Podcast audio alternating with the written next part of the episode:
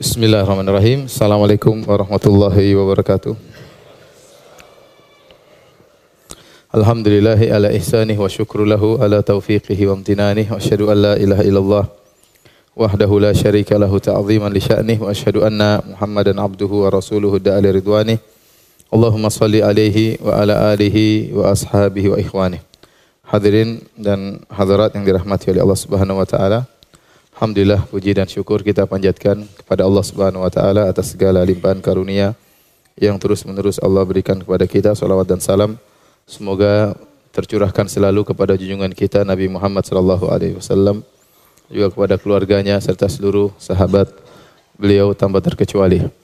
Pada kesempatan yang berbahagia ini kita akan membacakan ayat-ayat dalam surat Luqman yang menceritakan tentang nasihat seorang yang bijak yaitu Luqman Al-Hakim kepada putranya yang begitu agungnya nasihat ini Allah abadikan dalam sebuah surat yang namanya surat Luqman. Dan nasihat ini sangat penting bagi kita orang tua dan juga penting bagi anak-anak untuk mendengarnya. Ya karena nasihat ini nasihat yang mencakup akidah, mencakup nasihat imaniyah, mencakup nasihat tentang akhlak ya, tentang adab yang nasihat yang komprehensif yang penting untuk diketahui oleh orang tua dan juga anak-anak mereka ya. E, adapun Luqman Luqman yang dikenal dengan Luqman Al-Hakim maka ada e, dua pendapat di kalangan ahli tafsir ada yang mengatakan bahwasanya Luqman adalah seorang nabi dan ini pendapat Ikrimah dan jumhur al-mufassirin mengatakan Luqman bukanlah seorang nabi tapi dia adalah seorang abdun saleh, seorang hamba yang yang saleh. Adapun Ikrimah berpendapat bahwasanya Luqman adalah seorang nabi karena Allah berfirman pada surat Luqman ayat 12, "Walaqad ataina Luqman al-hikmah." Sungguh kami telah berikan kepada Luqman al-hikmah. Dan al-hikmah dalam beberapa ayat maknanya adalah wahyu. Ya seperti Allah berfirman tentang Nabi Daud wa atainahul hikmah wa fasal khitab. Kami berikan kepada Nabi Daud al-hikmah maksudnya adalah wahyu.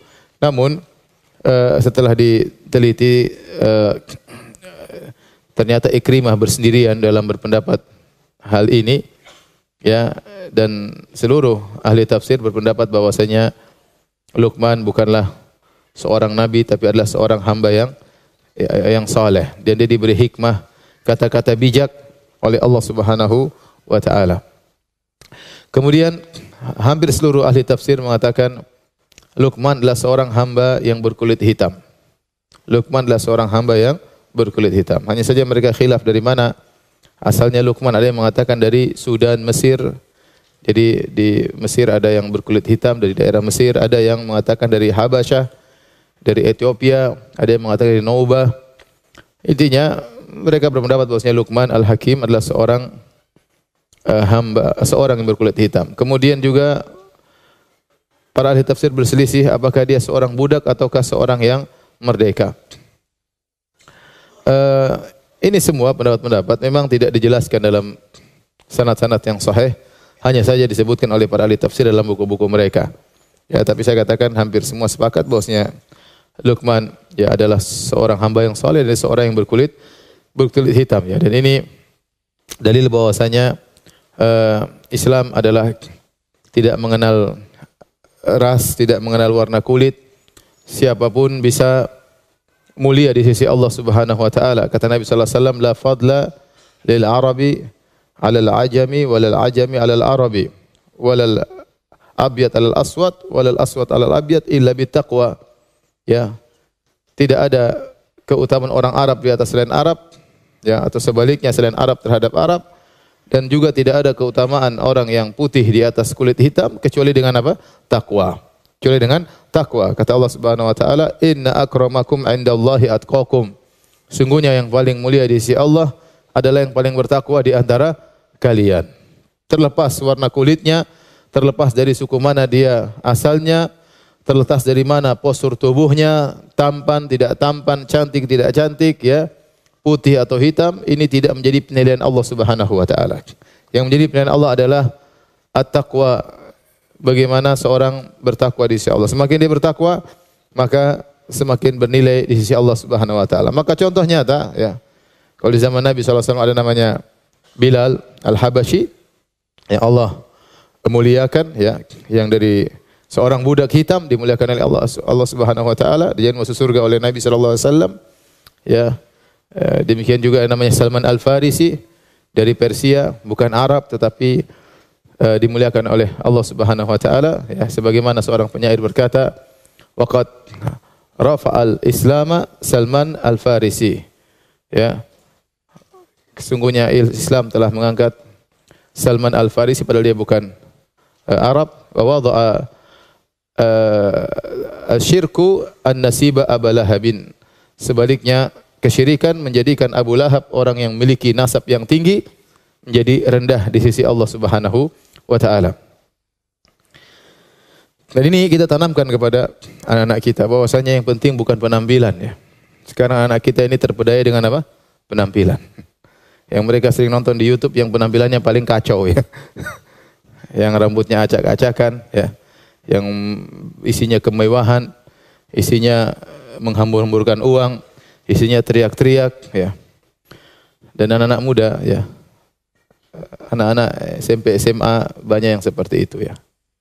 Ya sehingga YouTube yang mereka lihat yang seperti itu ya. Sampai banyak di antara mereka bercita-cita menjadi apa? YouTuber. YouTuber seperti apa? YouTuber seperti orang-orang seperti tadi yang uh, menghabiskan waktu mereka untuk perkara yang sia-sia. Ya hanya pamer mobil mewah, hanya pamer ketemu cewek, hanya pamer jalan-jalan ke mana, ya, hanya pamer yang tidak bermanfaat yang menghabiskan waktu mereka untuk membuat klip-klip tersebut dan menghabiskan waktu umat Islam untuk menonton klip mereka. Ya. Dia akan dihisap oleh Allah Subhanahu wa taala atas apa yang dia lakukan. Ya. Oleh karenanya kita harus tekan kepada anak kita bahwa yang, yang, yang menjadi patokan bukan penampilan, tapi takwa. Ya, takwa ini harus ditanamkan kepada anak-anak.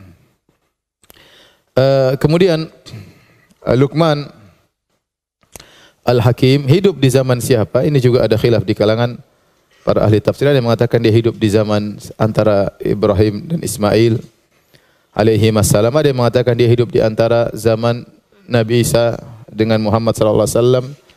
Ya, dan pendapat yang lebih kuat bahwasanya Luqman Al-Hakim hidup di zaman Nabi Daud alaihissalam.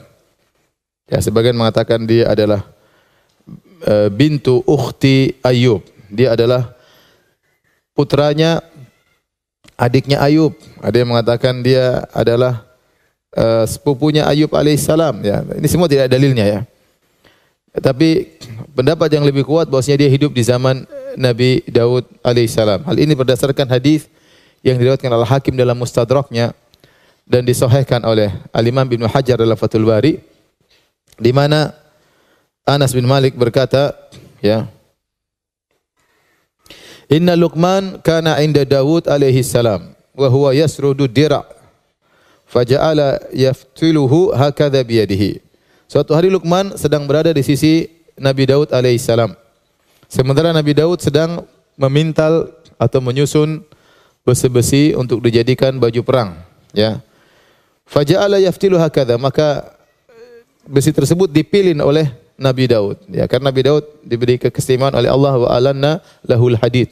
Kami buat besi itu menjadi menjadi lembek di sisi Nabi Daud alaihissalam. Karena Nabi Daud pegang besi jadi lembek seperti pegang tanah liat. Tinggal di apa? Tinggal dipilin, tinggal dipelintir. Itu di antara mukjizat Nabi Daud alaihissalam. Faja'ala yaflit yaftiluhu hakadha biyadi. Maka dia pun memilin besi tersebut seperti memilin tali. Kalau tali mau dikuatkan di dipilin ya. Faja'ala Luqman yata'ajjabu. Luqman waktu melihat Nabi Daud alaihissalam memilin besi, dia pun heran, ya, luar biasa ya.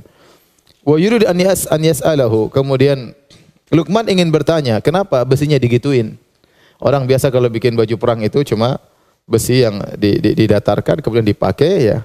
Kemudian digabung-gabungkan, tetapi ini tidak, ini besinya dipelintir, dipilin ya.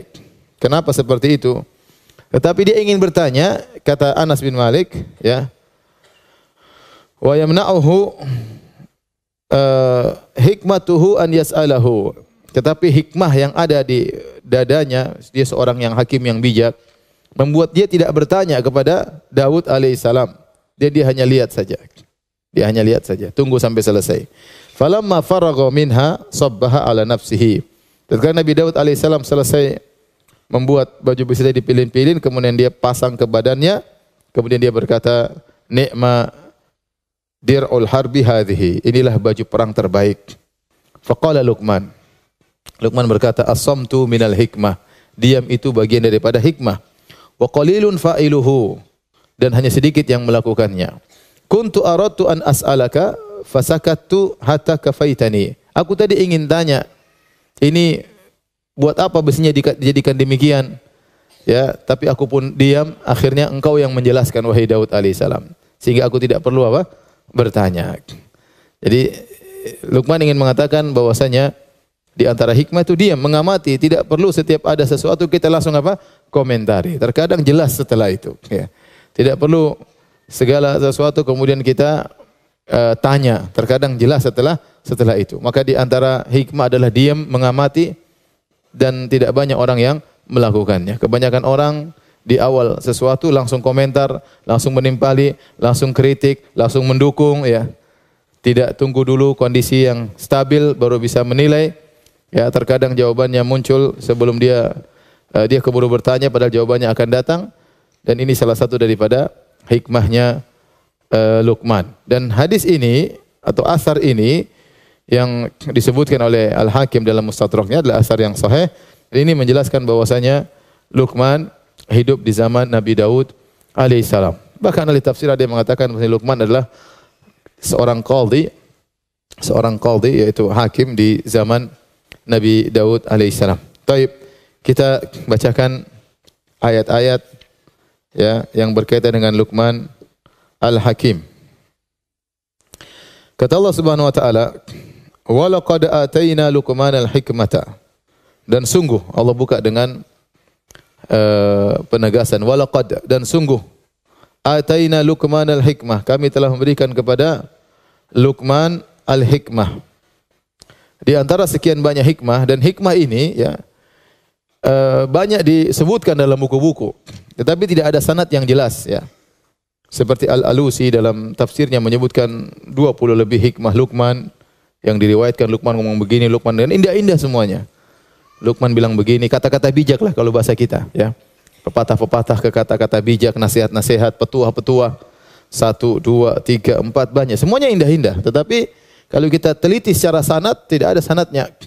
Tidak ada sanatnya. Tapi Luqman ini eh, hikmah-hikmahnya terkenal sampai di zaman jahiliyah ya. Makanya dalam sirah disebutkan Nabi bertemu dengan seorang namanya Suwaid bin Samit ya. Nabi dia orang yang cerdas, orang yang ya, ya, ya, yang, yang yang baik, maka Nabi datang di datangi dia secara khusus untuk mendakwahinya.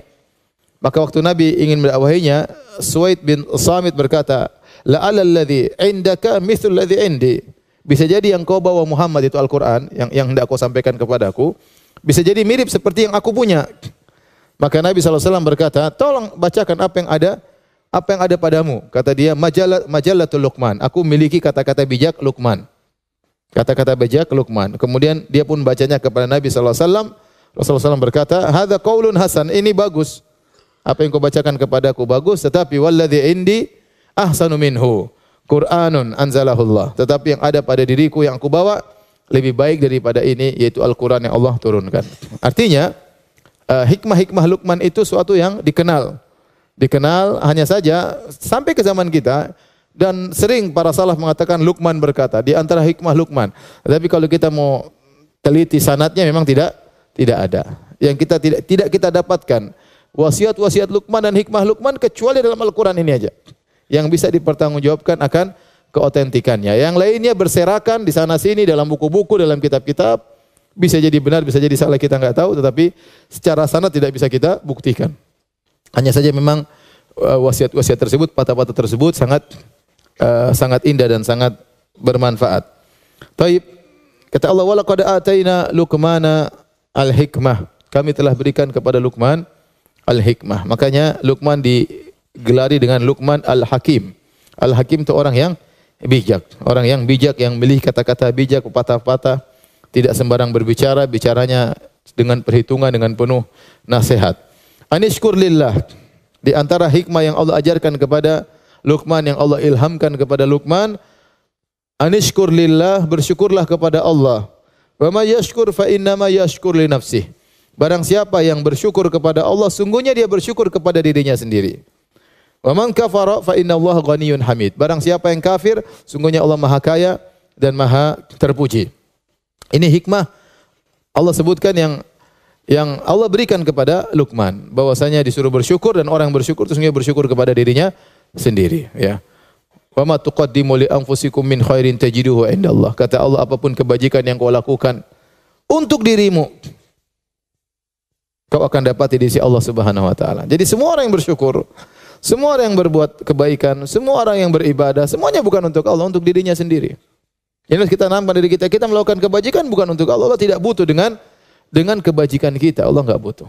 Makanya dalam diskusi kata Allah Subhanahu wa taala, "Ya ibadi law anna awwalakum wa akhirakum wa insakum wa jinnakum kanu ala atqa qalbi rajulin wahidin minkum, ya ma zada fi mulki syai'a." Wahai hamba-hambaku, jin dan manusia, dari yang pertama sampai yang terakhir, kalau seandainya kalian seluruhnya berada di atas hati orang yang paling mulia, orang yang paling baik, kalian semua misalnya hati kalian semuanya seperti hati Muhammad atau kalian semuanya seperti hati Jibril, ma zada fi mulki syai'a, tidak akan menambah kemuliaanku sama sekali. Ya, Allah sudah sempurna. Makanya disebutkan oleh para ulama, Allah itu sempurna sebelum ada makhluk. Allah sudah sempurna. Allah sudah sempurna. Allah tidak sempurna dengan adanya makhluk, tidak. Tapi Allah sudah sempurna meskipun makhluk belum belum ada. Dia sudah maha sempurna dari sananya, dari zatnya. Ya, sehingga kalau ada orang yang beribadah, Allah ingatkan. Allah perintahkan kita salat, Allah perintahkan kita untuk bersedekah, Allah perintahkan kita untuk puasa, itu untuk kalian sendiri. Kalian akan mendapatkan manfaat dunia maupun akhirat. Ini juga perlu kita tanamkan kepada anak-anak ya. Kita tanamkan kepada diri kita terlebih dahulu ya. Ya bahwasanya kalau seorang bersyukur, seorang beribadah bukan untuk Allah Subhanahu wa taala. Ya. Beda dengan manusia. Manusia kalau dia berbuat baik sama kita, kita berterima kasih sehingga dia merasa dipandang. Dia merasa terpuji. Orang-orang bisa memujinya tatkala kita menyebutkan kebaikannya. Ya. Kita, kita perlu berterima kasih, perlu menyebutkan kebaikan-kebaikannya agar dia terpuji. Kalau Allah tidak perlu. Waman kafara barang siapa yang kufur kata Allah Subhanahu wa taala fa innallaha ghaniyun hamid. Allah Maha Kaya, tidak butuh dengan ibadah mereka, tidak butuh terima kasih mereka, hamid dan Allah Maha terpuji. Allah Maha terpuji tidak perlu dengan pujian hamba-hambanya. Kalau hamba-hamba memuji Allah, maka kembalinya kepada hamba-hamba tersebut, ya. Maka wa ma tuqaddimu li anfusikum min khairin tajiduhu indallah. Apa pun kebaikan yang kalian lakukan untuk diri diri kalian, kalian akan mendapatinya di sisi Allah Subhanahu wa taala ya. Jadi jadi uh, dan kita tahu namanya amal soleh ya uh, itu memberikan faedah di dunia dan sebelum di akhirat. Makanya sebelum lama mengingatkan di antara Syekh Sa'di rahimahullah taala di antara bentuk suudzon kepada Allah Subhanahu wa taala berpendak atau meyakini bahwasanya kalau orang berbuat amal soleh hanya mendapatkan faedah di akhirat itu salah. Allah memberikan faedah di dunia sebelum di akhirat. Ya. ya. Allah memberikan faedah di dunia sebelum di akhirat. Jadi orang kalau rajin beribadah, Allah akan berikan dia uh, timbal baliknya di dunia sebelum di sebelum di akhirat. Di antaranya mungkin diberi kebahagiaan, diberikan ketenangan, tenangan jiwa. Ya, kemudian uh, terkadang diberikan dunia oleh Allah Subhanahu wa taala ya. Belum lagi kalau di di akhirat ya. Maka kita tanamkan kepada anak-anak kalau seorang berbuat karena Allah Subhanahu wa taala tidak mungkin Allah membiarkannya. Ya.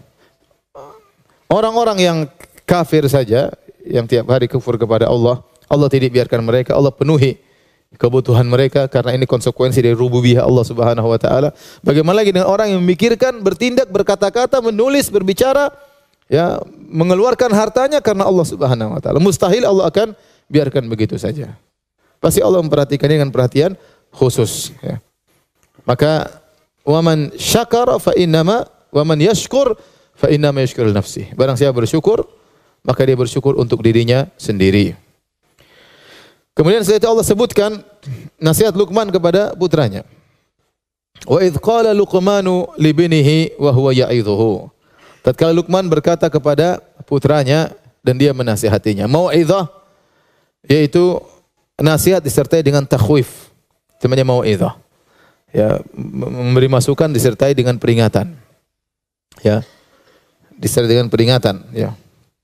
Wa huwa ya'idhuhu. Ada yang mengatakan anaknya ini musyrik. Ada yang mengatakan anaknya musyrik, ada yang mengatakan Luqman ini istrinya juga musyrik. Ya. Tapi Luqman kemudian mendakwahi mereka, mendakwahi mereka, mendakwahi mereka, akhirnya mereka masuk Islam. Wa ya'idhuhu dan Luqman menasihati putranya, "Ya bunayya la tusyrik billah." Wahai putraku, la tusyrik billah, jangan kau berbuat kesyirikan. Inna syirka la dzulmun azim. Sungguhnya syirik adalah kezaliman yang sangat agung ya. Di sini Luqman membuka nasihatnya dengan berkata, "Ya bunaya, wahai putraku." Ini kita orang tua harus ingat ya. Kalau kita panggil anak kita dengan kata yang terbaik, ya. Bahkan Luqman tidak berkata ya ibni, tapi ya bunaya. Bunaya itu tasghir dalam bahasa Arab itu menunjukkan kasih sayang, ya. Kata-kata yang menunjukkan kasih sayang luar biasa dari seorang ayah kepada anaknya, ya. Bahkan jika anaknya kafir seperti kata Nuh alaihissalam, ya bunaya rekam ma'ana. Nuh berkata kepada putranya yang kafir yang membangkang bapaknya, yang menghalangi dakwah bapaknya, ya, yang bergabung sama orang kafir itu pun Nabi Nuh berkata, "Ya bunayya, wahai putraku." Ya. Dia tidak mengatakan, "Hei, Bahlul." Hei. Belum tobat juga, sebentar lagi mampus, sebentar lagi enggak. Dia tetap mengatakan, "Ya bunayya." Ya. Nah, kita kadang-kadang emosi kita nggak panggil dengan putraku, kita panggil namanya terkadang ya. Terkadang kata-kata yang tidak pantas didengar oleh anak-anak ya. Maka tetap kita jaga. Ingat uh, para ulama mengatakan anaknya ini musyrik. Anaknya siapa? Luqman. Ya sama seperti seperti Nuh berkata kepada putranya, "Ya bunayya, wahai putraku, wahai Ananda," ya. Ya wahai buah hatiku ya seperti itulah. E, bagaimana kalau anak kita tidak musyrik? Hanya sekedar suka main game online. Ini tidak syirik tapi menjengkelkan.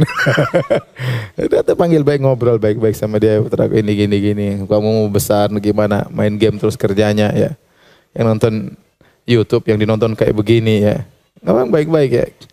Tapi intinya anak-anak harus sadar bahwasanya kita nasihat itu karena sayang. Kita khawatir tentang masa depannya. Ya, bukan untuk kita, kita sudah jadi orang ya. Anak-anak belum belum tahu bagaimana mereka di kemudian hari. Baik kita ingatkan bahwasanya uh, kita nasihat ini demi demi engkau di masa depan ya. ya bahwasanya uh, kita sayang sama dia. Maka gunakan kata-kata yang menunjukkan kita sayang kepadanya. Ya bunayya. Wahai putraku ya. Ya. Ibu juga demikian ibu-ibu ya. Nasihat sama anak pelan-pelan. Jangan dengan kata-kata yang yang kasar. Abi, anakmu ini bi. Anak kita bersama itu. Lahir dari perutmu wahai istriku. itu itu hasil kerja sama kita berdua. Kadang seorang suami marah bilang, "Ini anakmu tuh ambil." Seibu bilang, "Eh anakmu ya." Gimana? Kita bareng-bareng ya. Jadi tunjukkan bahwasanya anak itu kan penting gimana? Kalau kita marah sama dia, dia harus tahu dia salah. Jangan kita hanya sekedar marah-marah, kita ngomel-ngomel, dia tidak sadar kalau dia salah. Dia harus sadar bahwasanya kita marah sama dia karena kita sayang sama sama dia. Misalnya dia main HP, kita panggil, nah ini kan nggak bagus. Nah, ngomel bagus. Orang yang main game terus jadi orang main game online tiap hari, kemudian jadi eh, orang berhasil, jadi menteri, ya. Jadi yang lain ya tentu tidak ya. Kalau dia tahu dari ini tidak baik ya sudah. Baru kita ambil meskipun dia marah, yang jelas dia tahu bahwasanya kita melarang keburukan darinya. Misalnya, Wa huwa ya'idhuhu dan Luqman terus menasihati anaknya sampai dia pun masuk Islam. Ya bunayya la tusyrik billah. Wahai putraku jangan kau berbuat syirik kepada Allah. Ini nasihat yang paling utama. Ya, menanamkan tauhid kepada anak-anak kita. Ya. Ini yang lebih utama daripada yang lainnya. Tauhid ya. Bahwasanya Allah harus diagungkan. Meminta hanya kepada Allah, bertawakal kepada Allah, serahkan urusanmu kepada Allah. Sering kita bilang gitu, ya nak berdoa sama Allah nak. Serahkan urusanmu kepada Allah. Ya, semuanya mudah kalau Allah berkehendak. Kau minta kepada Allah. Sering kita gantungkan urusan mereka dengan siapa? dengan Allah. Jadi bilang tenang, nanti bapak yang ngurus. Tenang. Tenang. Bapak tinggal telepon selesai misalnya. Tenang, Abi Abi jenderal, jangan khawatir. Bapakmu jenderal nak, jangan khawatir. ya. Jadi kita akhirnya melupakan dia kepada Allah. Kita membuat dia bertawakal kepada kepada kita. Jadi itu kurang bagus. Sehingga dia bertawakal kepada bapaknya, bersandar kepada bapaknya, bersandar kepada kekayaan harta bapaknya dan yang lainnya. Maka seorang menanamkan tauhid, nilai-nilai tauhid kepada anaknya ya. Ya, bahwasanya mintalah kepada Allah. Bapak akan membantu. Tapi kau minta kepada Allah. Abi akan usahakan. Tapi kau berdoa kepada Allah Subhanahu wa taala.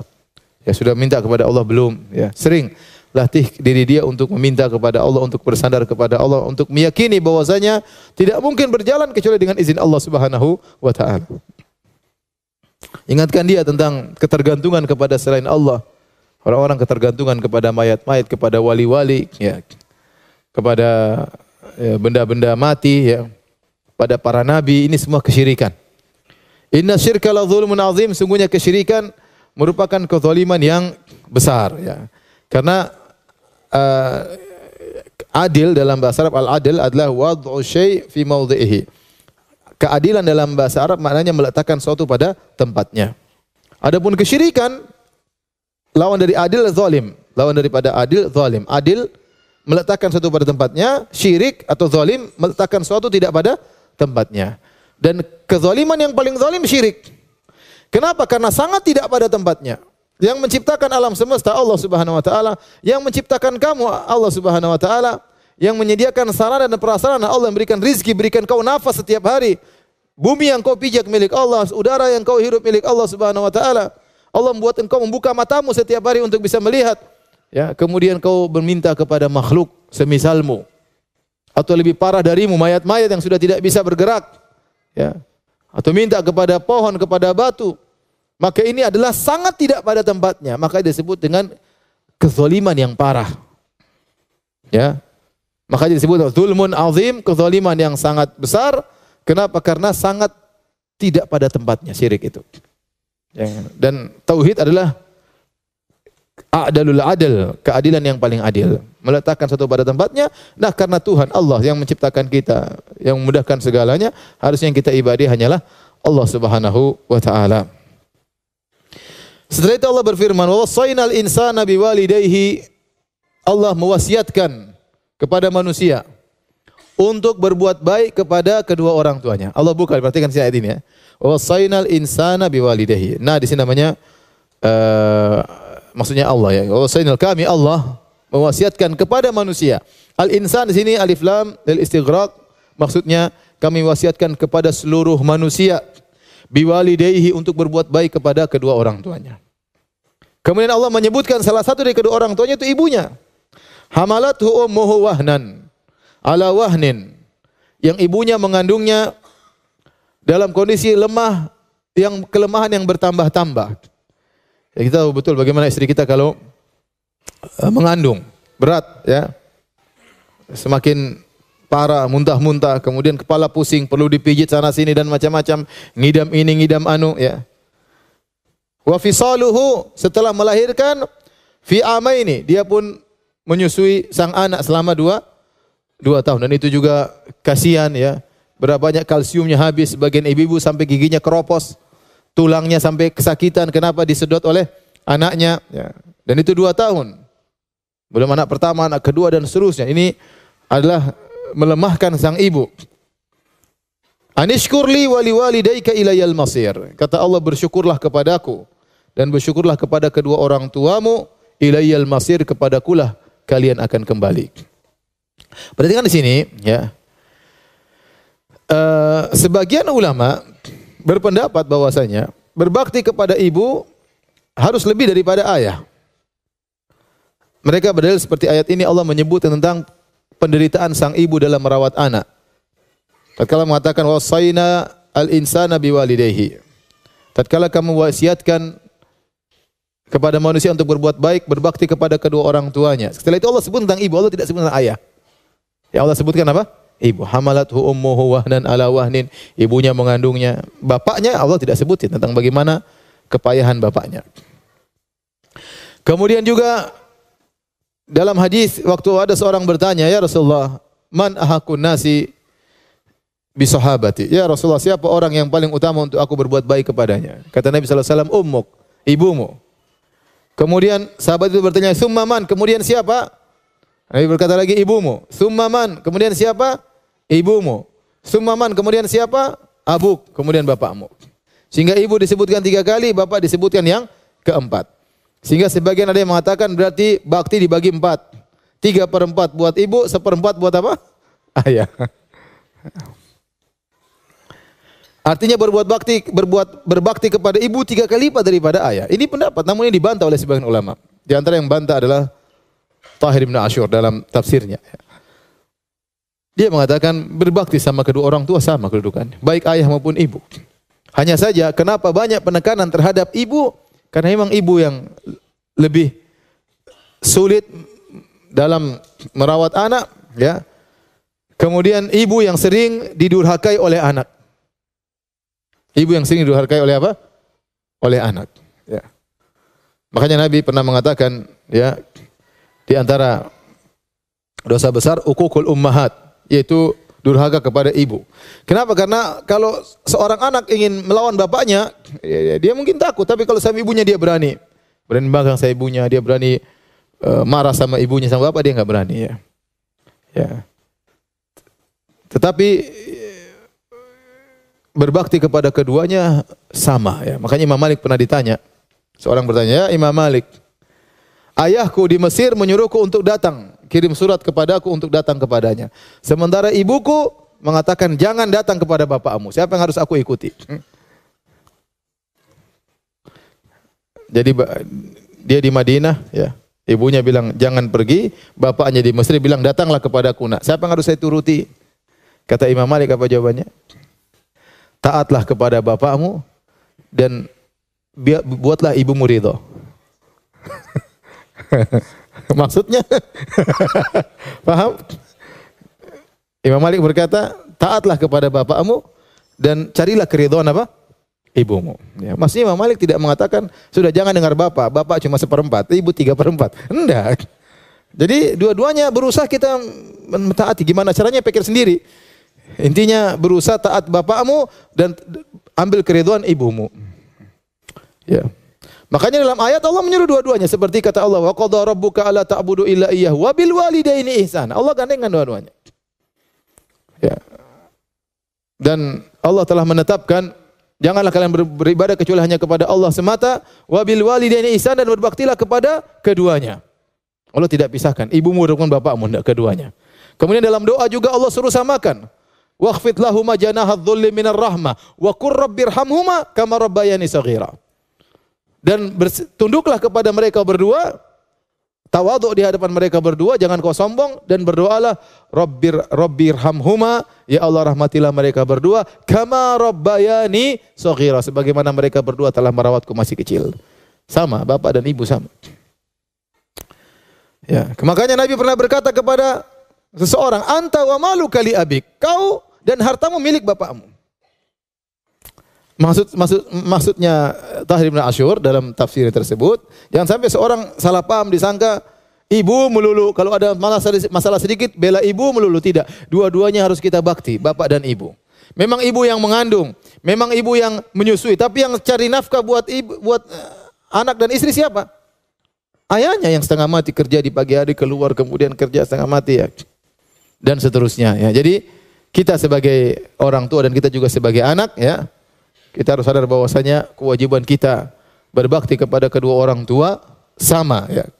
Kalaupun memang harus lebih sayang kepada ibu ya dari kasih sayang tapi dua-duanya wajib untuk kita bakti ya. Jangan sampai jangan kita bagi ibu tiga kali, ayah cuma apa? Sekali. Jadi ini pendapat saya pikir kuat pendapatnya yang disampaikan dalam Tahrir wa Tanwir karena kita harus ingatkan kepada anak-anak juga, ibu-ibu ya bahwasanya bap, bapak ya harus kamu bapak capek dalam cari nafkah, bapak begini, bapak begini dulu, yang ngurusin ibu juga bapak, waktu ibu hamil yang ngurusnya. Jadi anak-anak itu hormat kepada duanya, dua-duanya. Kepada ayah maupun kepada kepada ibu ya. Tapi kita lanjutkan ya. Jadi Allah menyebutkan ibu di sini karena memang yang yang yang terlihat sulit adalah ibu. Ya. Terlihat sulit ibu sehingga anak itu lebih mudah mengingat tentang kebaikan ibu dan demikian dia lanjutkan dengan berbakti kepada bapaknya setelah berbakti kepada ibunya.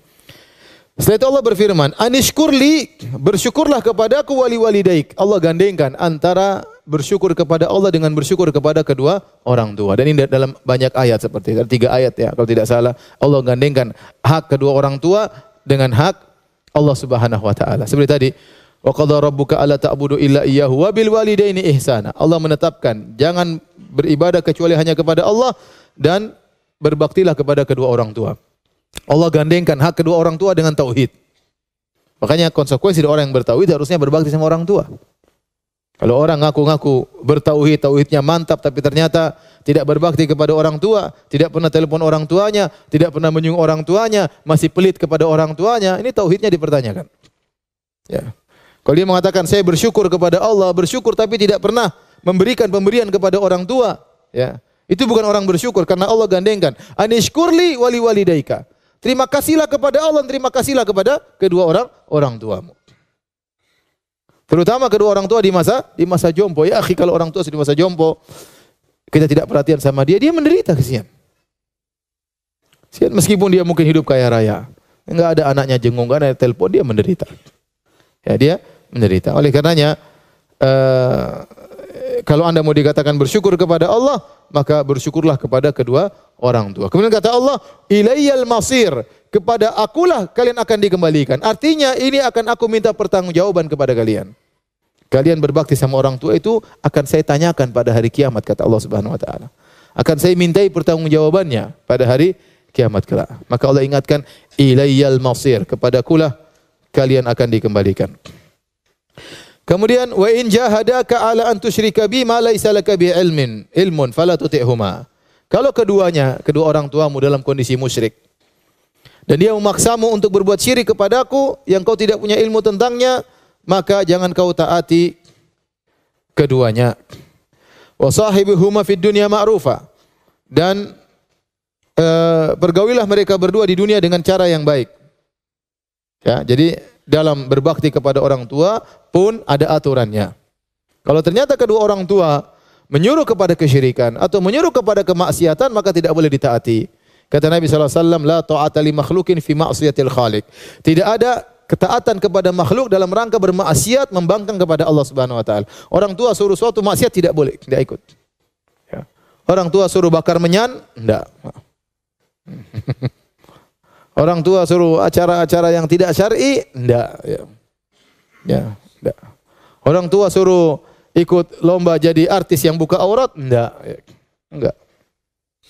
Selama orang tua menyuruh kepada hal yang buruk, kita tidak tidak boleh lakukan. Karena tatkala itu ketaatan kepada Allah lebih utama.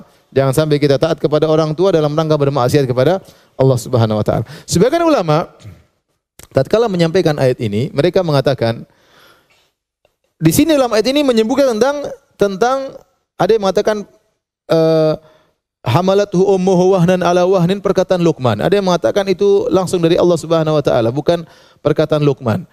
Tapi intinya ayat-ayat ini menyebutkan tentang kondisi ibu yang susah, yang mengandung dalam kondisi lemah, kemudian bertambah-tambah kelemahannya, ya. Eh, kemudian muntah-muntah, sakit dan yang lainnya. Nah, ini seharusnya seorang ayah mengingatkan anaknya akan hal ini. Agar anaknya berbakti kepada ibunya. Anak sering lupa, ibu mungkin dia nggak enak bilang sama anaknya, nak kamu duduk dalam perut ibu. Susah juga dia ngomong begitu ya. Udah tahu bu, sudah baca di biologi. Tapi kalau bapaknya yang bilang lebih mengena. Kamu dulu bapak yang lihat ibumu setengah mati. Bapak yang lihat ibumu dulu muntah-muntah. Bapak yang masukkan ibumu ke rumah sakit sampai diimpus gara-gara kamu dalam perut. Kamu belum melahirkan bapak, bapak lihat sampai ibu mau meninggal dunia gara-gara kamu ingin keluar dari perut ibu. Jadi bapaknya ingatkan kepada anaknya agar dia berbakti kepada ibunya. Ini perlu kerjasama ya. Nah apa kita ingatkan tentang uh, bagaimana perjuangan istri kita kepada anak kita agar anak kita jadi anak yang berbakti kepada ibunya. Ya. Demikian juga ibu ibu juga begini demikian sampaikan kepada anaknya. Bapakmu dulu yang cari nafkah, bapakmu dulu yang begini, yang begini, ya. Bapak yang setengah mati diomelin sama bosnya, ya. Bapakmu dipecat berapa kali. Terus sampaikan agar dia pun berbakti kepada bapaknya. Jangan bilang bapak untuk kurang ajar, ibu lagi hamil dia mau kawin lagi. Jadi dia benci sama bapaknya. Jadi sampaikan kebaikan-kebaikan suami agar sang anak karena anak punya kewajiban untuk berbakti kepada ayah dan ibunya ya. Ini perlu. Ya karena susah kalau kita uh, bilang sendiri bapak dulu yang begini kepada anak kita, tapi kalau istri kita yang bilang lebih mengena kepada uh, kepada anak. Taib. Kemudian di antara nasihat kata Allah Subhanahu wa taala wattabi' sabila man anaba ilayya. Ya. Ikutilah jalan orang yang uh, kembali kepada kepada aku. Thumma ilayya marji'ukum dan kepadakulah tempat kembali kalian fa unabbi'ukum bima kuntum ta'malun dan aku akan kabarkan kepada kalian tentang apa yang kalian lakukan selama ini di atas muka bumi. Ini isyarat untuk menasihati anak agar memilih teman bergaul. Jangan sembarang bergaul. Ikutilah orang yang kembali kepada jalan Allah Subhanahu wa taala. Ini perlu orang tua ngarahkan anak-anak. Kalau dia tahu ada teman yang nakal, bilang jangan main sama dia. Jangan kita spekulasi, ya. Nak main aja nak. Kamu kan bisa jaga diri ya, jaga diri. Pas ada ibu saya jaga diri. Pas ibu nggak lihat ya sudah. Ya. Karena anak masih belum stabil. Masih masih masa mencari ya. Jadi dia tidak tidak tidak tidak belum kuat imannya. Ya, maka kalau dia bergaul dengan orang-orang yang salah, maka dia mudah sekali terpengaruh. Dia mudah sekali terpengaruh. Temannya punya hobi misalnya nonton sesuatu, anak itu akan ikut. Ya. Teman itu punya sesuatu yang buruk akan ikut anak-anak kita. Maka kalau kita tahu ada teman yang buruk, jangan bergaul sama dia. Kita harus tegas. Kita suruh bergaul sama anak-anak yang baik. Ya. Kata sebagaimana pepatah as-sahibu sahib bahwasanya teman itu akan menggeret. Kalau dia teman yang baik, dia akan menggeret kepada kebajikan. Kalau dia teman yang buruk, dia akan menggeret kepada keburukan. Maka jangan spekulasi ya. Kalau tahu ada seorang terkenal anaknya buruk, akhlaknya buruk, ya, ya maka kita bilang jangan, ya, jangan. Ya. Jangan bergaul sama anak terus. Kalau ngomongnya kotor misalnya, suka ngomong eh, nama-nama uh, hewan, ya, anak kita akan terikut karena terbiasa. Ya. Pernah waktu saya masih di suatu kota, ya. Kemudian ada sebagian orang main ke rumah. Anak-anak main ke rumah. Ya biarin aja senang teman-teman main ke rumah, main sama anak saya. Tahu-tahu ada keluar mulut anjing. Wah. Besok nggak boleh main lagi sini. Nggak boleh sudah. Tutup pintu nggak boleh main lagi ke ke rumah. Karena anak-anak terbiasa nanti. Terbiasa bilang kampret misalnya. terbiasa bilang cebong lah apa kalau terbiasa, anak, -anak terbiasa. Karena pergaulan itu membuat seorang terbiasa mengucapkan kata-kata yang buruk. Ya. ya. Sekarang apa? Hey guys. Semua hey guys. Anak saya kecil pun masih lima tahun. Guys, guys apa guys, guys? Ya, maksudnya itu contoh terbawa, contoh ter terbawa. Nanti Ustadz juga begitu, hey guys terbawa karena pergaulan itu membentuk cara berbicara, cara berpikir, ya. Hobi bisa berubah, semua dengan teman. Maka nasihatnya wattabi sabila man anaba ilayya. Ikutlah orang yang menempuh jalanku, yang kembali kepadaku. Kita harus ketat terhadap anak-anak. Kita bukan di zaman salafus saleh yang kalau dilepas di lingkungan semuanya baik. Di luar ini banyak banyak orang yang tidak benar. Banyak orang-orang anak-anak yang tidak diperhatikan oleh orang tuanya. Banyak anak-anak yang liar. Banyak. Anak-anak belajar keburukan dari internet. Ya, anak-anak belajar kerusakan dari internet ya. Kalau anak kita salah bergaul bisa bahaya. Kemudian Luqman melanjutkan nasihat kepada putranya. Ya bunayya. Jadi nasihat sekarang berkaitan imania, berkaitan tentang muraqabatullah. Yaitu untuk menghadirkan dalam diri anak-anak kita bahwasanya Allah Maha mengetahui apa yang dia lakukan. Ya bunaya innaha in taku mithqala habbatin min khardal. Wahai putraku, sungguhnya amal perbuatanmu meskipun hanya sebesar biji sawi itu sangat kecil. Fatakum fi sakhratin, kemudian tersembunyikan dalam batu. Au fis samawat atau terlemparkan di ruang angkasa sana di langit au fil ardi atau tertanam dalam bumi ya'ti biha Allah Allah akan mendatangkannya Innallaha latifun khabir. Sungguhnya Allah Maha lembut dan Allah Maha khabir. Di sini nasihat Luqman kepada putranya, dia mengatakan, "Enggak usah kau berbuat yang besar-besar. Kau berbuat sesuatu yang sangat kecil, yang kau pandai sembunyikan, tidak ada yang lihat. Kau sembunyikan dalam batu, bayangkan, kau ah, suatu kau sembunyikan benda kecil, kau bikin batu, kau semen lengkap semua tutup, Allah tahu yang kau sembunyikan tersebut. Atau setelah kau melakukannya, kau lempar ke angkasa luar, tidak ada yang tahu di atas sana. Allah pun tahu dan Allah akan hadirkan. Atau setelah kau melakukan satu kau tanam dalam bumi sedalam-dalamnya, Allah akan keluar, Allah akan cabut. Ya, kenapa? Allah khabir. Allah Maha mengetahui perkara-perkara yang detail. Allah Al-Alim Al-Khabir. Apa Al-Alim? Al-Alim adalah Maha mengetahui segalanya. Al-Khabir khusus ilmu Allah tentang perkara-perkara yang detail, yang pelik-pelik, yang kecil-kecil, yang tersembunyi. Allah Maha tahu. Ya. Tidak usah kita berbicara tentang amal yang kau perbuat. Sedangkan apa yang terbetik dalam hatimu, ada ria, ada ikhlas, ada sabar, ada sombong, meskipun tersembunyi dalam relung hatimu yang paling dalam, Allah tahu dan Allah akan hadirkan pada hari kiamat kelak. Dan ini kita sadar bahwasanya zaman sekarang anak-anak ya tidak bisa ente awasi terus, ente pasang CCTV di setiap sudut rumah ya. Begitu dia aman lepas dari CCTV, apakah dia punya merokok betul atau tidak? Allah Maha lihat apa yang dia lakukan tidak. Ini penting. Harus kita ingat-ingatkan. Nah, Allah Maha tahu lah. Nah. Bapak nggak bisa tahu apa yang kau, kau lakukan. Saya tidak tahu apa yang kau lakukan di kamarmu. Saya tidak tahu apa yang ada dalam HPmu misalnya. Ya, tapi Allah Maha tahu. Sering kita ingatkan. Ya, apa yang kau lakukan satu hari akan Allah bongkar. Ya, Inna Allah latifun khabir. Allah Maha mengetahui. Ya alamu khainatal a'yun wa ma sudur. Allah mengetahui lirikan matamu dan Allah tahu isi hatimu. Ya kamu bisa bohongi Abi dan Umi, bisa. Tapi Allah tidak bisa kau bohongi. Ini harus kita tanamkan. Karena kita tidak mampu mengawasi anak-anak. Kita sibuk urusan sana sini. Ya. Apalagi anak taruh surah pondok seakan-akan sudah aman. Belum tentu di pondok juga apa? Aman. Ya. Teman bergaulnya siapa? Ya. Pas pulang ke rumah kayak apa kita nggak tahu. Oleh karenanya ini namanya khabir. Kemudian kita bilang latif, Allah latif. Kita bilang latif. Latif, latif itu apa? Latif itu maksudnya Allah mengiring sesuatu tanpa disadari oleh orang tersebut. Ya, seperti kisah Nabi Yusuf alaihissalam, Allah ingin menjadikan dia menteri, namun caranya tidak dia sadari, pelan-pelan. Dilemparkan dalam sumur, kemudian dijual jadi budak, kemudian dipenjara, kemudian terus, terus, terus sampai akhirnya jadi apa? Menteri.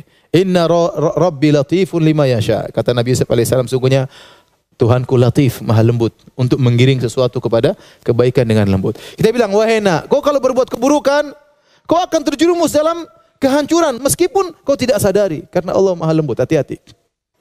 Betapa banyak orang berbuat kezaliman, sekarang dia berbuat zalim, mendolimi orang, dia makan harta haram, kemudian dia makan riba, nanti dia hancur di ujung-ujungnya. Tanpa dia sadari seakan-akan dia kehancuran itu hanyalah sekedar suatu yang normal, suatu yang natural, padahal bukan natural. Itu Allah yang giring dia menuju kehancuran tanpa dia sadari. Itu mengerikan seperti itu. Sama ada orang berbuat baik tahu-tahu dijadikan baik oleh Allah itu bukan bukan bukan natural, tidak. Allah yang menggiring dia menuju pada kebaikan. Kita sama anak-anak, kamu kalau berbuat baik, suatu saat kau akan menjadi orang yang baik. Karena Allah latif. Allah apa? Latif. Allah akan mengiringmu tanpa kau sadari menuju yang baik. Tapi kalau kau berbuat buruk, sekarang suka bohong, suka ini, suka anu, suka ini, suka anu. Ya lihat yang tidak-tidak, ya. Yang bohongnya orang tua, ya. akhirnya kau akan tergiring pada perkara yang buruk cepat atau lambat. Kemudian setelah itu Luqman menasihati kepada anaknya untuk beribadah. Ya bunayya, aqimis salata wa'mur bil ma'rufi wanha 'anil munkar. Wahai putraku, dirikan salat Wa amur bil ma'ruf. Ini salat sangat penting. Anak-anak bagaimanapun kondisinya harus salat. Kita harus tegas dalam salat. Sampai kata Nabi sallallahu alaihi wasallam wajliluhum wa hum asyru sinin. Pukul mereka kalau tidak mau salat. Ya, kalau mereka sudah 10 tahun. Di bawah 10 tahun suruh sudah latihan salat. Sejak umur 7 tahun suruh salat. Ya, ada anak saya salat. Saya baru ngobrol sama istri, sudah selesai. Eh, tunggu, nak. kamu tadi salat? Iya, bisa salat berapa rakaat? Tiga rakaat. Kamu tadi baca enggak? Enggak. Pantasan cepat selesai. ya udah, nanti lain kali, ya masih kecil kan, lain kali baca. Maksud saya perhatian, kita juga berrabbi ja'alni muqima salati wa min dzurriyyati. Ya Rabbku jadikan aku penegak salat anak-anakku. Anak kita kalau salat mau dia nakal kayak apa pun dia akan kembali lagi. Salat itu luar biasa. Kalau salatnya sempurna akan mencegah dia dari kemungkaran. Tapi kalau tidak sempurna, yang penting dia salat. Suatu saat dia akan balik lagi. Karena salat itu bagaimanapun orang ingat. Tapi sekali dia mulai meninggalkan salat, rusak. Maka salat harus dicek. Nak, sudah salat belum? Sudah enak, sudah doain abi belum? Sudah doain umi belum? Bangun nak, jangan jangan menggampangkan masalah salat. Ya, ini ibadah yang sangat agung yang membuat seorang berhubungan langsung dengan Tuhannya. Dia mau nakal nggak nakal dia sujud, dia sujud kepada Tuhan. Ya. Dia menundukkan dirinya kepada Allah Subhanahu wa taala. Maka suatu saat kalaupun dia nakal dia akan kembali selama dia menjaga apa? salatnya. Kemudian wa'mur bil ma'ruf wa anha 'anil munkar. Kalau anak kita sudah baik, kita suruh dia untuk beramal nahi munkar. Nasihati teman-temanmu. Ya. Nasihati kawanmu. Ya. Ajar ajari dia untuk beramar nahi munkar. Karena kalau orang sudah berani beramar nahi munkar, dia akan lebih menjaga dirinya. Kenapa? Dia sudah berani untuk berdakwah, berarti dia sorotan. Dia harus menjaga dirinya sendiri.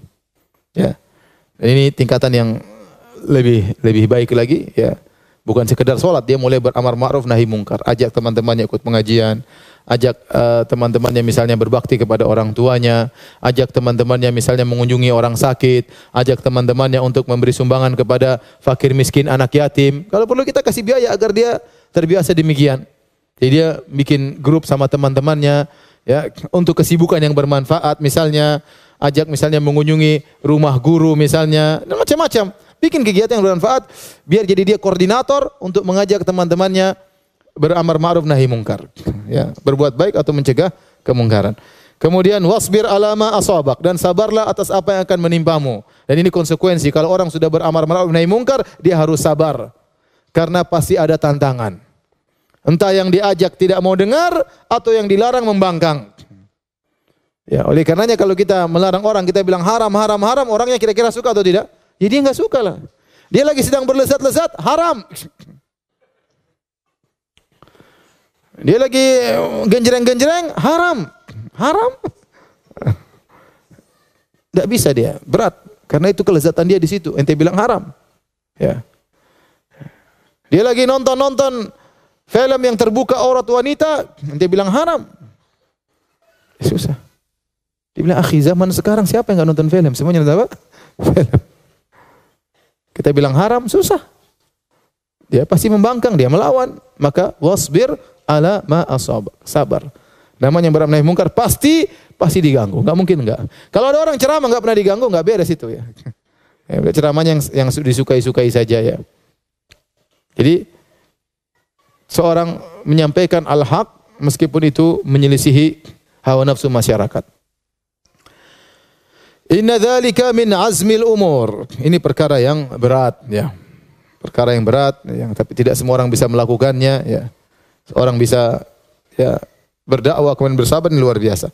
Kemudian setelah itu Luqman mengajarkan adab, akhlak. Wala tusair khaddaka linnas, jangan kau palingkan pipimu dari manusia. Ini ibarat dari kesombongan. Wala tamshi fil ardi maraha, jangan kau berjalan dalam penuh kesombongan. Ya, jadi kesombongan itu sebenarnya amalan hati sebenarnya. Ya, tetapi nampak dalam kata-kata, nampak dalam perilaku, nampak dalam gaya jalan, nampak dalam gaya berbicara. Ngomong seorang, eh, iya, eh, ya. Dia nggak lihat orang tersebut, orang tersebut lihat dia dia nggak lihat. Ya, ya, hmm, ya, hmm. Ya, akhi, kata Allah, jangan kau palingkan wajahmu tatkala berbicara dengan orang. Ya kecuali lagi sibuk, ya, ya, ya. Tapi ente sejak awal tidak mau lihat dia. Kenapa ente menghina dia ya akhi? Ya. Kata Nabi sallallahu alaihi wasallam bihasbi imri'in syarri bihasbi imri'in minasyarri an yahkira akhahul muslim. Cukuplah seorang dikatakan buruk jika dia merendahkan saudaranya sama muslim. Kata Ibnu Qil'id dalam syarah Arba'in Nawawi. Dia mengatakan bagaimana Anda meremehkan dia orang muslim ini sementara dia sudah mengucapkan asyhadu alla ilaha illallah wa asyhadu anna rasulullah. Dia salat kepada Allah Subhanahu wa taala. Ente menghinakan dia, ente merendahkan dia. Allah kirim rasul untuk memberi hidayah kepada dia. Allah turunkan Al-Qur'an untuk beri hidayah kepada dia. Allah perhatian sama dia terus Allah hormati dia, ente rendahkan dia. Apakah pantas kita merendahkan sama muslim? Ikut dia melakukan maksiat kita tegur. Tapi kalau sama muslim belum tentu iman ente lebih lebih tinggi daripada dia. Belum tentu ente lebih tak bertakwa daripada dia. Belum tentu.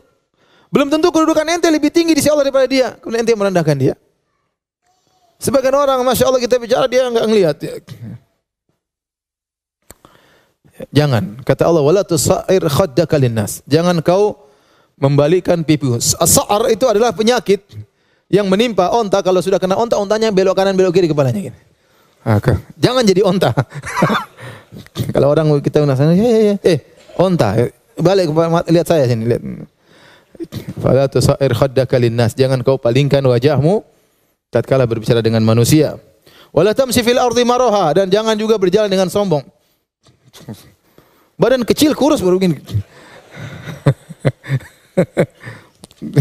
ada orang seperti itu ada ya.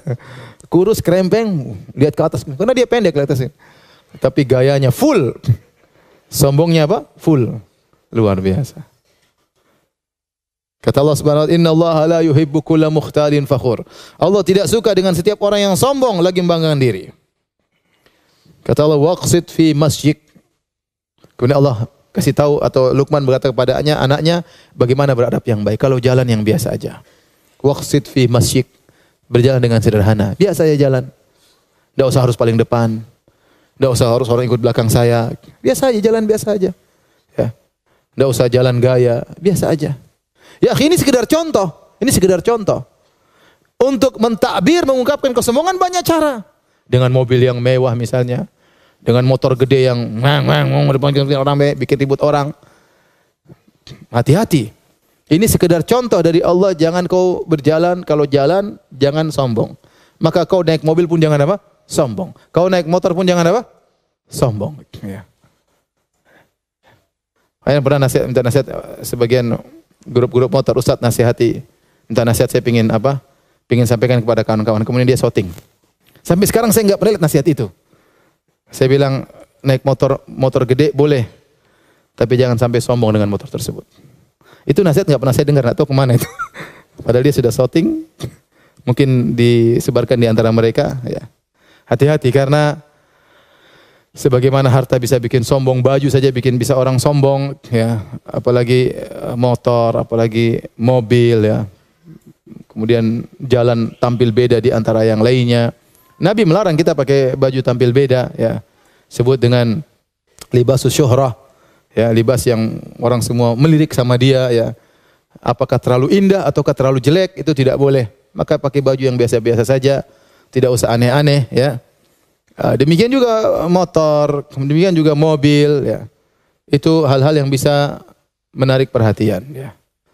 Maka jangan seorang dalam Islam jangan suka cari perhatian, ya. Bahkan kalau bisa tidak di, dilihat oleh orang lebih baik, ya. Jadi ini contoh saja kalau berjalan yang sederhana kata kata Luqman, waqsid fi masjid, berjalan sederhana. Waqdud min sautik, rendah-rendahkan suaramu, enggak usah teriak-teriak kalau enggak ada perlunya. Emang kalau orang suaranya paling besar, dia orang paling hebat? Kata Allah, "Inna angkaral aswati la sautul hamir." Suara yang paling buruk suaranya hamir, keledai. Kalau suara paling besar paling top, maka keledai yang paling top. Karena ente suaranya sebesar apa pun masih kalah dengan suara keledai. Maka tidak perlu kita berbicara keras-keras lagi ngobrol sama teman-teman, kemudian kita sengaja mengeraskan supaya kita yang dipandang, tidak perlu. Kita bicara biasa aja. Ada orang memang asalnya suaranya keras, tapi jangan dia berusaha untuk menampakkan dia yang menguasai majelis, dia yang menguasai semuanya. Tidak perlu begitu. Ya, tidak perlu. Ya, kalau memang suara paling besar itu semakin bagus, maka hamir atau keledai itu yang terbaik. Maka jangan sombong dalam sikapmu dalam bergaul. Demikian para hadirin dan hadirat yang dirahmati Allah Subhanahu wa taala. Eh, sebagian dari hikmah nasihat Luqman kepada putranya semoga bisa menjadi masukan bagi saya pribadi sebagai orang tua dan sebagai anak juga sekaligus. Karena masing-masing kita ada yang punya ada, kan punya orang tua. Ya, semoga kita bisa introspeksi diri. Tidak ada di antara kita yang sempurna. Ya, eh, sebagaimana antum penuh kekurangan, saya pun penuh dengan kekurangan. Semoga Allah mengampuni dosa-dosa kita dan semoga Allah menjadikan kita anak-anak yang berbakti kepada orang tua dan menjadikan anak-anak kita berbakti kepada kita. Amin ya rabbal alamin.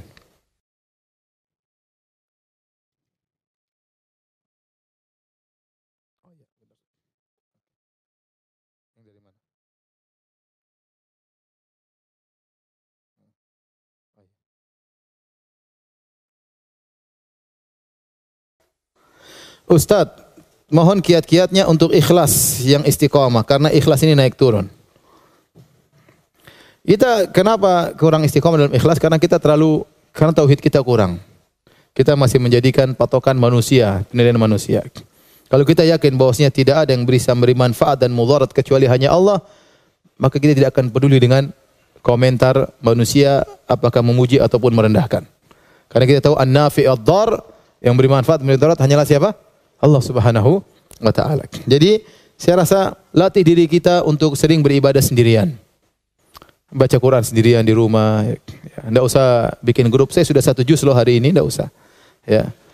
Kemudian juga sholat malam ya. Enggak usah kita share ya. Alhamdulillah hari ini bisa 8 rakaat. Biasanya sih 11. Cuma qadarullah. Hari ini banyak kerjaan sehingga cuma 8. Tapi alhamdulillah Allah masih kasih kesempatan sholat 8 rakaat. Enggak perlu ya. Jadi latih diri kita untuk berkhulwat bersama Allah Subhanahu wa taala. Dan jangan lupa doa. Allahumma inni a'udzubika an usyrika bika syai'an a'lamu wa astaghfiruka lima la a'lamu. Ya Allah, aku berlindung kepada Engkau dari uh, berbuat syirik kepada Engkau baik yang aku sadari maupun yang tidak aku sadari. Waktu saya menikah, saya pernah pinjam dengan perusahaan sekitar 8 juta. Pada saya resign, saya cek saldo tunjangan jam sostek hanya nol. Ternyata perusahaan tidak menyetorkan hak jam sostek saya selama 8 tahun saya bekerja. Sampai saat ini saya belum bayar hutang, saya ke perusahaan dengan alasan perusahaan tidak membayarkan hak jam sosek saya. Apakah bisa saya anggap impas? Jam sosek itu apaan sih? Jam sosek itu apa? Hah? Setoran. Uh, itu kan itu kan jam sosek itu berarti uang kita yang dipotong ya. Uang kita dipotong kan, gaji kita dipotong. Berarti kan kita berhak ngambil kan? Ya berarti ya impas kalau benar. Kalau benar itu uang kita ya. ya uang kita gaji kita dipotong setiap bulan diambil untuk jadi asuransi. Kalau kita nggak akan dikembalikan suatu saat, ternyata tidak dikembalikan berarti impas. Wallah alam ya. Saya kalau memang begitu berarti impas. Tapi lihat dulu berapa, jangan-jangan jam soseknya cuma satu juta, berarti harus bayar tujuh juta. Kalau lebih alhamdulillah selesai. Kalau ternyata jam soseknya sampai 12 juta, utang kita 8 juta sudah selesai.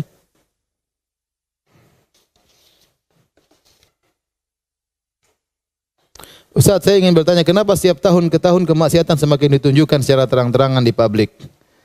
Di mana-mana berita tentang kemaksiatan semakin banyak dan semakin mudah diakses oleh masyarakat. Bagaimana kita bisa terlindung dari fitnah kemaksiatan? Ya, kita banyak ngaji, bergaul dengan orang-orang yang baik.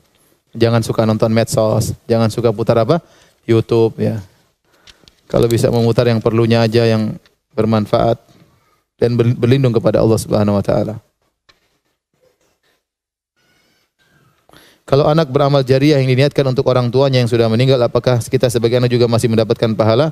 Hukum asalnya kalau seorang misalnya eh, membuat pondok atau buat masjid niatnya untuk bapaknya yang sudah meninggal, maka pahalanya buat bapaknya hukum asal demikian. Anaknya enggak karena dia sudah niatkan pahala dia buat apa? Orang tuanya. Maka anaknya enggak dapat. Anaknya cuma dapat pahala berbakti kepada orang tua. Ya hukum asal. Tapi fadlullahi wasi. Bisa jadi Allah kasih sih kita nggak tahu. Tapi kalau kita bicara hukum asal, maka itu pahala untuk apa?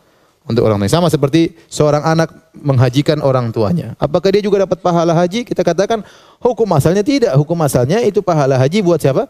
Yang dihajikan. Tapi dia dapat pahala berbakti sama orang tua. Apakah dapat pahala haji? Hukum asalnya tidak. Tapi kalau Allah mau kasih ya terserah Allah Subhanahu wa taala.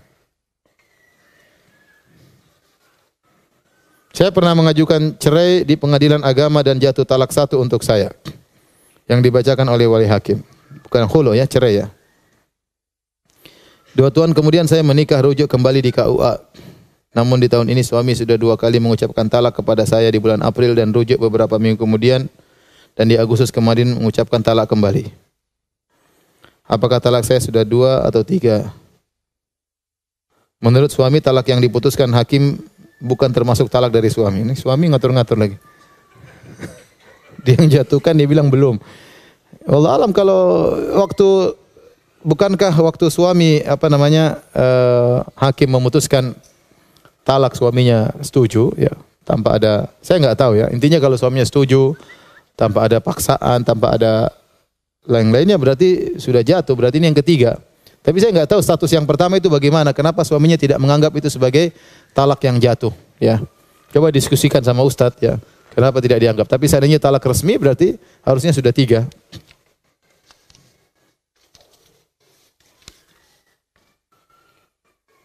Saya mau bertanya bagaimana mengajarkan tauhid kepada anak balita ya. Ya selalu aja kita sebut Allah. Kita ajak dia ke masjid, kita lihatkan dia kita baca Quran, dia akan terbawa dengan sendirinya. Bapaknya sholat, bapaknya beribadah kepada sesuatu, ibunya sedang berdoa. Dia lihat kondisi seperti itu akan buat dia tertanam ada sesuatu yang diminta zat tempat bapaknya kembali kepada zat tersebut ya. Kita nggak perlu bilang tauhid ada tiga, begini nggak perlu. kita jalankan aja, nanti dia tertanam dalam batinnya secara secara otomatis. Bagaimana kalau kedua orang tua anak sudah cerai saat anak ingin menemui ibu menemui ayah, ibu anak melarang. Beliau bilang ayah sudah menelantarkan. Anak hanya ingin berbuat kepada baik kepada ayah agar beliau kembali anak harus bagaimana? Iya, enggak usah dengar ibu. Ya. Usah juga lapor-lapor, Bu, saya baru dari ayah ya, Bu ya. Enggak usah lapor-lapor. Berbuat baik, berbuat baik aja. Enggak usah kasih tahu apa? Ibu kalau tahu ibu marah-marah dikasih tahu, enggak usah lapor. Tapi jangan nurut ibu untuk durhaka kepada ayah. Ustaz bagaimana menyikapi jika hanya ibu saja yang lebih sering semangat belajar agama atau ikut kajian tapi suami belum.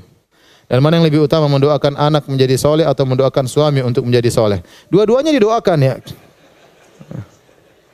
ya. Kenapa harus membuat Allah milih ya? Dua-duanya kita doain. Sudah ya? Sampai sini aja. Mohon maaf ibu-ibu. Nanti ditanyakan kepada ustadz yang lain. Kurang lebih saya mohon maaf. Subhanakallah bihamdik. Asyhadu alla ilaha anta. Assalamualaikum warahmatullahi wabarakatuh.